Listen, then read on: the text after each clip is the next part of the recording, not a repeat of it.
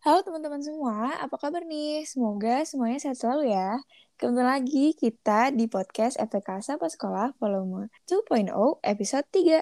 Nah, kali ini kita mau sharing nih tentang pengalaman mahasiswi Fakultas Perikanan dan Kelautan Universitas Erlangga. Sebelumnya, aku mau tanya, udah pada dengerin podcast FPK Sapa Sekolah episode 1 dan 2 di Spotify BEM FPK kan?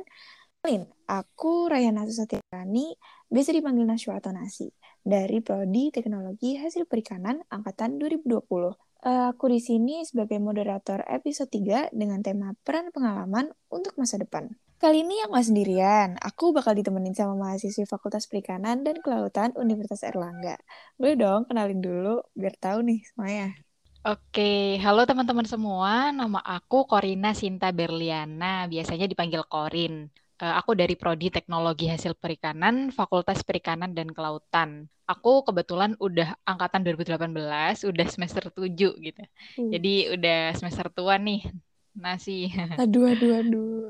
Udah mulai panas ya. Iya, benar banget gitu. Gimana nih kabarnya selama beberapa udah masuk semester 7, baru-baru semester 7 nih. Gimana gimana? Untuk kabar alhamdulillah sehat ya. Jadi ya semoga juga nggak sakit-sakit lagi karena ke depannya kan pasti sibuk banget ngurus skripsi gitu. Doain aja lah semuanya aman-aman dan berjalan lancar. Amin amin, amin. oke. Okay. aku mau kepo-kepo langsung aja nih ya. Selama tiga tahun di FPK nih prestasi apa aja sih yang pernah diraih sama kak Korin? Oke, okay. aku itu bukan orang yang uh, gimana ya prestasi yang akademik banget gitu, uh, enggak, karena selama tiga tahun ini juga aku fokus sama organisasi gitu. Jadi untuk prestasi kebetulan waktu maba itu sempat jadi runner runner up duta FPK 2018. Terus yang tahun 2019-nya juga alhamdulillah lolos salah satu delegasi ke UMT Malaysia dan di tahun 2019 juga itu sempat ikutan International Conference Aquaculture Indonesia, terus ikutan joint activities sama Petronas Malaysia dan UII di Jogja, Adventure Erlangga Global Engagement 2019, terus aktif di kegiatan organisasi BEM dan FPC sampai saat ini. Dan untuk sekarang sih uh, sibuk BEM dan ini ya apa ambasador pemimpin ID kayak gitu. Wih. Jadi nggak ada yang benar-benar akademik gitu ya nasi. Ih, tapi itu wah gila keren banget sih itu. Ya nggak sih? Ih, keren keren keren. Alhamdulillah. Keren. Alhamdulillah okay. aja. Iya iya iya. Eh kan biar pada branding FPK biar bisa branding FPK nih di fakultas-fakultas lain atau universitas lain. Kak Korin tuh ngelakuin apa aja sih? Kan Kak Korin pernah jadi duta, pernah ikut uh. student exchange itu buat ngenalin FPK ke fakultas lain atau universitas lain tuh gimana? Oh, oke. Okay. Nah, kalau uh, secara aku sebagai duta itu kan di FPK sendiri banyak banget nih branding tentang FPK. Nah, kayak dulu misalkan waktu zaman offline itu ada kunjungan dari SMA SMA, terus uh, biasanya duta itu jadi kayak guide gitu. Terus habis itu ada mahasiswa dari universitas yang baik itu luar negeri maupun dalam negeri, ada dosen dari universitas uh, dalam negeri dan luar negeri juga. Nah, di situ aku melakukan branding seperti mengenalkan FPK, fasilitas di FPK apa aja, kemudian kegiatan-kegiatannya di FPK itu seperti apa gitu. Dan secara personal juga uh, waktu aku mengikuti international conference yang aquaculture itu, aku bareng sama teman-teman dari Undip. Nah, itu juga aku menjelaskan nih tentang kegiatan di FPK itu kalau kuliah praktikumnya ada apa aja sih, terus habis itu uh, mata kuliah-mata kuliahnya untuk mat, uh, prodi aquaculture ataupun prodi THP itu ada apa aja. Nah, kita sharing-sharing dan di situ sedikit branding lah. Dan ketika online nih FPK tetap melakukan branding dan mengadakan webinar yang biasanya dibuka untuk umum, siswa SMA kayak gitu kan Nas. Nah, itu kadang dari pihak fakultas meminta tolong untuk uh, duta sebagai MC kayak gitu. Nah, di situ teman-teman dari duta kadang perwakilan dipilih dan aku juga sempat uh, nge-MC dari agenda-agenda branding yang dilakukan oleh FPK seperti itu. Hmm, wih, keren banget. Udah prestasinya tuh banyak banget. Ikut ini ikut itu. Aduh iri ya Semoga bisa iya kan, juga. Uh, uh, nasi kan masih semester ini ya, semester tiga nggak sih? Iya, masih semester tiga. Iya, masih bisa lah ke depannya. Yeah. Masih panjang gitu. Aduh, oke. Okay. Aku pengen tahu juga nih, biar nanti aku bisa ngikutin jejak Kak Korin nih. Amin, amin. gimana sih yang aku kepo deh sama student exchange yang itu, gimana caranya biar bisa ikut dan bisa dapet program student exchange itu, kriteria dan syarat itu apa aja? Uh, kalau kriteria dan persyaratan itu tidak ada yang terlalu spesifik, misalkan uh, kamu harus bahasa Inggrisnya jago banget gitu enggak kok. Nah di FPK sendiri itu lebih ke membuka kesempatan yang selebar-lebarnya untuk teman-teman dari mahasiswa FPK karena uh, programnya itu tidak hanya yang ke Malaysia tapi ada juga ke Taiwan. Terus habis itu ada kayak simposium gitu. Nah, sedangkan aku kan ikut yang student assimilation. Jadi memang di FPK itu diwadahi banget gitu lah. Nanti bakal hmm. ada juga PKL, PKL di Thailand, di Malaysia itu juga bisa banget. Nah, kalau aku yang student assimilation itu lebih ke persyaratan sih menurutku. Jadi hmm. misalkan KHS itu ada minimal tiga kalau nggak salah. Terus bikin motivation letter dalam bahasa Inggris, surat izin orang tua juga. Nah kalau nggak salah administrasinya eh, hanya itu. Nah terus untuk seleksi wawancara itu ada juga. Nah, itu diseleksi uh, dalam bahasa Indonesia. Nah, jadi waktu itu rasanya kayak deg-degan banget karena banyak juga cutting yang mendaftar. Jadi aku mikirnya, waduh ini kayaknya aku bisa nggak ya gitu. Tapi hmm. alhamdulillah setelah seleksi jadi salah satu yang lolos. Ih, ih, keren banget. jadi malu nih. Oke, okay, uh, eh, pasti buat teman-teman yang dengerin podcast ini harus bisa dan ngikutin jejak Kak Korin ya gak sih? Uh, kan udah tahu nih, udah bahas juga cerita sama syarat-syarat kriteria yang buat program student exchange. Uh, di FPK juga ada gak sih Kak yang jalur double degree? Ya gak sih? Ada gak sih? Iya ada. Nah jadi di FPK itu ada S2-nya kan. Nah mm -hmm. S2-nya ini juga udah terakreditasi gitu akreditasinya itu juga ah nilainya gitu udah hmm. bagus jadi kan nah cutting juga ada yang double degree jadi untuk S2 biotek itu bisa double degree dengan uh, NPUS NPUS University dari Taiwan gitu National Pingtung aku lupa oh. kepanjangannya apa gitu oh, okay, jadi okay. udah ada kok kebetulan aku kenal juga dari salah satu cutting uh, duta FPK hmm itu ikut double degree dan S2 biotek FPK dengan NPUS Taiwan. Keren banget kan? Mm-hmm, Jadi teman-teman mungkin uh, bisa nih kalau mulai dari sekarang, misalkan kayak nasi semester 3, semester 5 itu udah mulai uh, menggambar gitu loh dari sekarang kayak pengen banget nih ke depannya ikutan double degree ataupun fast track dari program FPK kayak gitu. Itu uh, syaratnya apa aja tuh? sama kriterianya kan uh, pasti kalau, ada ya kalau syarat itu aku tidak uh, di brosur FPK sendiri itu tidak tidak begitu menjelaskan tentang syarat dan ketentuannya tapi lebih ke gambaran-gambaran mata kuliah apa aja sih yang ada di uh, eh, S2 biotek ataupun S2 ilmu perikanan kayak gitu nah dan aku hmm. sempat tanya-tanya ke cutting itu kalau nggak salah IPK-nya 3 atau 3,25 gitu loh harusnya kalau mau fast track kalau yang fast track ya Mm-hmm. Kalau yang double degree aku kurang paham. Oh, oke okay, oke okay, oke. Okay. Ih, banyak banget sih kesempatan kita di FPK iya. buat mahasiswa buat nempuh pendidikan yang tinggi banget doh. Yang keren-keren juga.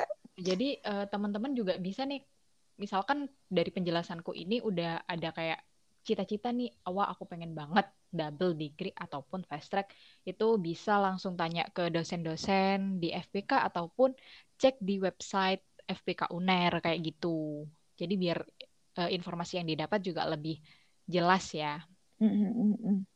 Okay, okay. eh, setelah ngobrol akademik nih, uh, gini aja deh. Uh, mau tanya dong, gimana sih caranya Kak Korin ngadepin mental illness? Uh, pertanyaan itu kan kayak lagi banyak banget nih di sosial media kan juga iya, anak ya, ada ada SMA tuh juga iri gitu uh, kalau dunia kuliah tuh katanya nggak seindah masa-masa SMP SMA atau SMP gitu Ya nggak sih gimana cara ya Iya Kak benar. Korin ngadepin mental Apalagi illness sekarang itu? itu banyak eh, kalau ngasih tahu yang ada percobaan bunuh diri dari anak Mhm. Universitas lain kayak gitu kan eh, menyedihkan banget ya. Iya. Juga turut prihatin gitu. Ini jujur pertanyaan yang bagus banget dan salah satu hal yang penting biar kita ke depannya jaga-jaga terutama buat teman-teman yang masih di semester awal gitu ataupun adik-adik SMA yang lagi dengerin podcast FPK Sapa Sekolah ini. Jadi kalau aku sendiri alhamdulillah tidak pernah sampai yang mental illness dengan kadar yang berat banget gitu ya Nas. Misalkan Mm-mm. kayak bipolar ataupun eh, yang parah gitu dan harus ke psikiater itu alhamdulillah nggak pernah. Cuman pasti ada nggak sih teman-teman yang kayak merasa eh, di awal entah itu ngerasa down ataupun kayak merasa, wih ini titik terendah hidup aku ataupun ngerasa nggak waktu masuk FPK nih kayak nggak yakin emang bisa ya aku bakalan bergaul sama teman-teman ataupun emang bisa ya aku ngikutin uh, segala bentuk mata kuliah yang ada di FPK pasti kayak kita ada sedikit gambaran-gambaran down gitu kan. Mm-mm. nah aku juga sempat mengalami kayak merasa down meski yang nggak sampai parah. Dan teman-teman juga mungkin pernah teman-temanku ya ataupun kating-kating yang sudah semester tua gitu. Entah itu karena masalah akademik ataupun hubungan sosial mereka gitu tapi apa pun yang terjadi itu kan life must go on Benar, dan benar. hidup tetap berjalan sebagaimana mestinya jadi Mm-mm. eh, saran aku sih lebih untuk kita fokus nih sama goals-goals yang udah kita buat kayak gitu. Dan aku sempat ada pengalaman juga dulu waktu aku offline, zaman offline nih kuliahnya, itu kerja nih eh, nasi di WO, Hmm, di wedding hmm. organizer. Nah, Oke. sedangkan di FPK kan eh, rumpun science ya. Jadi kita banyak praktikum gitu. Laporan itu nulis tangan dulu nasi. Oh, aduh, Iya, jadi aku agak kurang bisa bagi waktu ditambah lagi aku ikut banyak organisasi kan.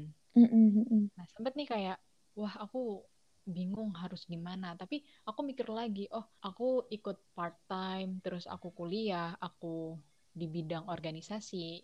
Itu semua kan udah keputusan aku di awal, jadi harusnya apa yang udah aku ambil nih, ya harus aku tanggung jawab gitu loh, Iya, harus aku benar. selesaiin. Jadi dari situ aku kayak, oh bangkit lah, dan nggak sampai yang down berlarut-larut gitu nggak untungnya Hmm. Kayak gitu sih nah terus eh, yang penting kita tuh punya tekad yang besar teguh sama pendirian set goals kita apa aja dan selalu percaya kalau kita itu bisa ini penting banget kita nggak boleh ngeremehin diri kita kayak misalkan ih kayaknya aku nggak bisa deh. Kayak aku yang waktu seleksi student exchange itu harusnya nggak boleh. Kayak mikir emangnya aku bisa ya? Itu berarti ngeremehin kemampuan diri kita gitu. Dan itu bisa berpengaruh buruk sebenarnya ke diri kita sendiri kayak mensugesti alam Iya, bawah sadar kita kan. Jadi Mm-mm. memang kita itu harus yang positive vibes ke diri kita sendiri. Dan yang terpenting eh, kita juga harus work life balance nah ini biar kita menghindari burnout dan stres dan tetap produktif ke depannya dan biasanya nih yang lagi banyak orang-orang rasakan itu ke distract dan nggak fokus atau ngerasa toksik sama Instagram atau sosial media lain.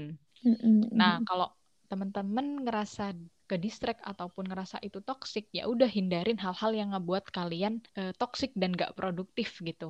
Jadi hindarin main puasa Instagram dulu kek atau puasa Twitter atau puasa sosmed lah gitu. Karena memang eh, apalagi sekarang zaman online ya banyak nih teman-teman tuh rebahan sambil main handphone, sosial media Mm-mm. terus gitu. Jadinya eh, nggak produktif dan malah ke distract sama orang-orang lain kayak gitu. Iya, gitu sih. Kalau menurut aku nih ya, yang masalah mental illness. Aduh, cukup berat sih ya.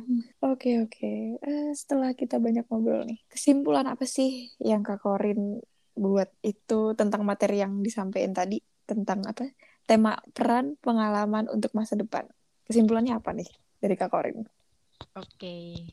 Eh, kesimpulan orang beda-beda ya kalau dari mendengarkan gitu. Nah, tapi kalau dari aku sendiri, aku bisa menyimpulkan sedikit hal yaitu kalau kita misalkan ada kesempatan, kita punya peluang, ya udah ambil aja, jangan ragu gitu dan jangan dilewatin gitu aja. Tapi ada poin penting yang harus kita ingat yaitu kita harus self aware dulu. Kita tahu kapasitas diri kita itu seperti apa dan jangan sampai terlalu maksain. Karena harus kita ingat nih tujuan utama kita kuliah kan untuk belajar ya. Jadi harus balance antara akademik maupun non akademik. Jadi misalkan kayak aku kebetulan aktif di organisasi dan hal-hal yang berbau non akademik, tapi alhamdulillah sejauh ini nilai akademikku juga cukup dan menurutku sudah sangat baik gitu. Dan yang terakhir perlu banget buat teman-teman yang masih semester bawah ataupun yang sekarang juga udah terlanjur belum punya goals itu kalian harus set goals kalian baik itu jangka panjang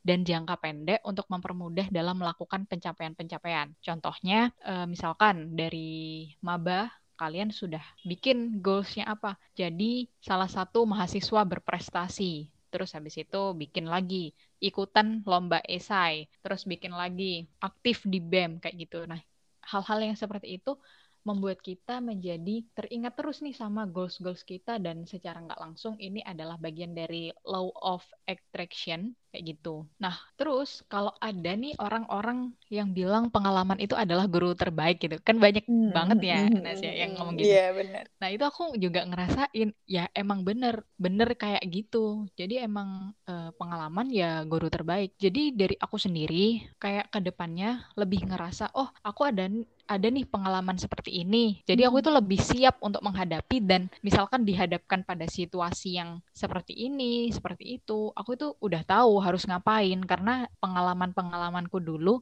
yang udah banyak banget kayak gitu, udah bisa diterapin nih di masa mendatang atau sekarang. Nah, terus uh, dengan banyaknya pengalaman yang kita punya itu bisa jadi bekal buat ke depannya seperti tema podcast ini peran pengalaman untuk masa depan ya buat bekal kayak gitu dan ditambah lagi bertambahnya kemampuan self development kita kemampuan manajerial meningkatkan keterampilan kita meningkatkan relasi dan tentunya wawasan kita sendiri. Hmm, oke okay, oke, okay. setuju sih, ya. setuju sih. Hmm, benar banget kan, kamu di BEM juga ngerasa seperti itu kan, kayak iya. meningkatkan yeah. relasi gitu kan? Benar benar. Iya. Karena BEM jadi punya banyak temen gitu. Nah, bener nih salah satu testimoni nih teman-teman yang dengerin ya. bener. Oke okay, oke. Okay. Ya udah nih, uh, sebelum di penghujung acara, boleh dong Kak Kak Korin kasih closing statement, pesan dan motivasi buat calon mahasiswa dan mahasiswi FPK. Apa nih? Oke, okay, nah kalau dari tadi kan udah kayaknya secara nggak langsung aku udah nyampein pesan-pesan yeah, yeah. gitu kan ya. Jadi mungkin aku tambahin dikit aja kalau misalkan aku pengen teman-teman tuh inget gitu, kalau semua orang itu pasti punya waktunya masing-masing. Nah, tapi kita juga harus terus berusaha untuk bisa sampai di titik waktu yang akan kita tuju gitu. Jangan malah diem-dieman, pasrah dan nggak melakukan apa pun. Tapi untuk mencapai suatu goal sekalian, mencapai titik-titik yang akan kita harapkan ya memang harus ada perjuangan dan struggle untuk itu. Jadi terus semangat dalam mengemban ilmu di FPK juga, terus produktif dan cetak prestasi untuk alma mater kita tercinta. Dan ini nih buat teman-teman SMA yang akan jadi calon mahasiswa FPK diharapkan nanti juga bisa lebih aktif gitu ketika sudah menjadi mahasiswa FPK ya. Eh, dari awal itu kalian kalau bisa udah aktif baik dalam segi akademik maupun non akademik karena di FBK sendiri di Universitas Erlangga itu akan ada banyak wadah untuk hal itu jadi sesuaikan minat dan bakat kalian jadi jangan sia-siakan peluangnya Oke oke, motivasi memotivasi banget nih. Iya, lebih ke pesan gitu ya. Iya. Dari aduh. seorang semester tua. Bener-bener, wih harus didengerin sih ini buat teman-teman yang mau daftar di FPK UNER. Oke deh, sampailah kita di penghujung acara. Makasih banget buat Kak Korin yang udah menyempatkan waktunya buat sharing FPK Sapa Sekolah di episode 3 ini. Uh, semoga apa yang udah disampaikan Kak Korin bisa bermanfaat untuk kita semua. Amin. Amin, amin, amin. Oke deh, uh, kalau ada pertanyaan seputar FPK Universitas Erlangga, bisa komen di kolom komentar IGTV FPK, Sapa Sekolah, atau DM Instagram at BEMFPK underscore UNER. Oke, bila ada kata yang kurang berkenan, kami mohon maaf sebesar-besarnya. Dan jangan lupa untuk mendengarkan podcast FPK Sapa Sekolah volume 2 episode 1 dan 2 di Spotify BEM FPK UNER. Oke deh, uh, kita selesaiin aja ya Kak Korin ya. Oke, terima kasih ya Nasi udah berkenan untuk mengundang aku di FPK Sapa Sekolah ini. Semoga apa yang tak sampaikan bermanfaat buat teman-teman semua ya. Amin, amin. Uh, kita tutup dulu. Wassalamualaikum warahmatullahi wabarakatuh. Jaga kesehatan semuanya.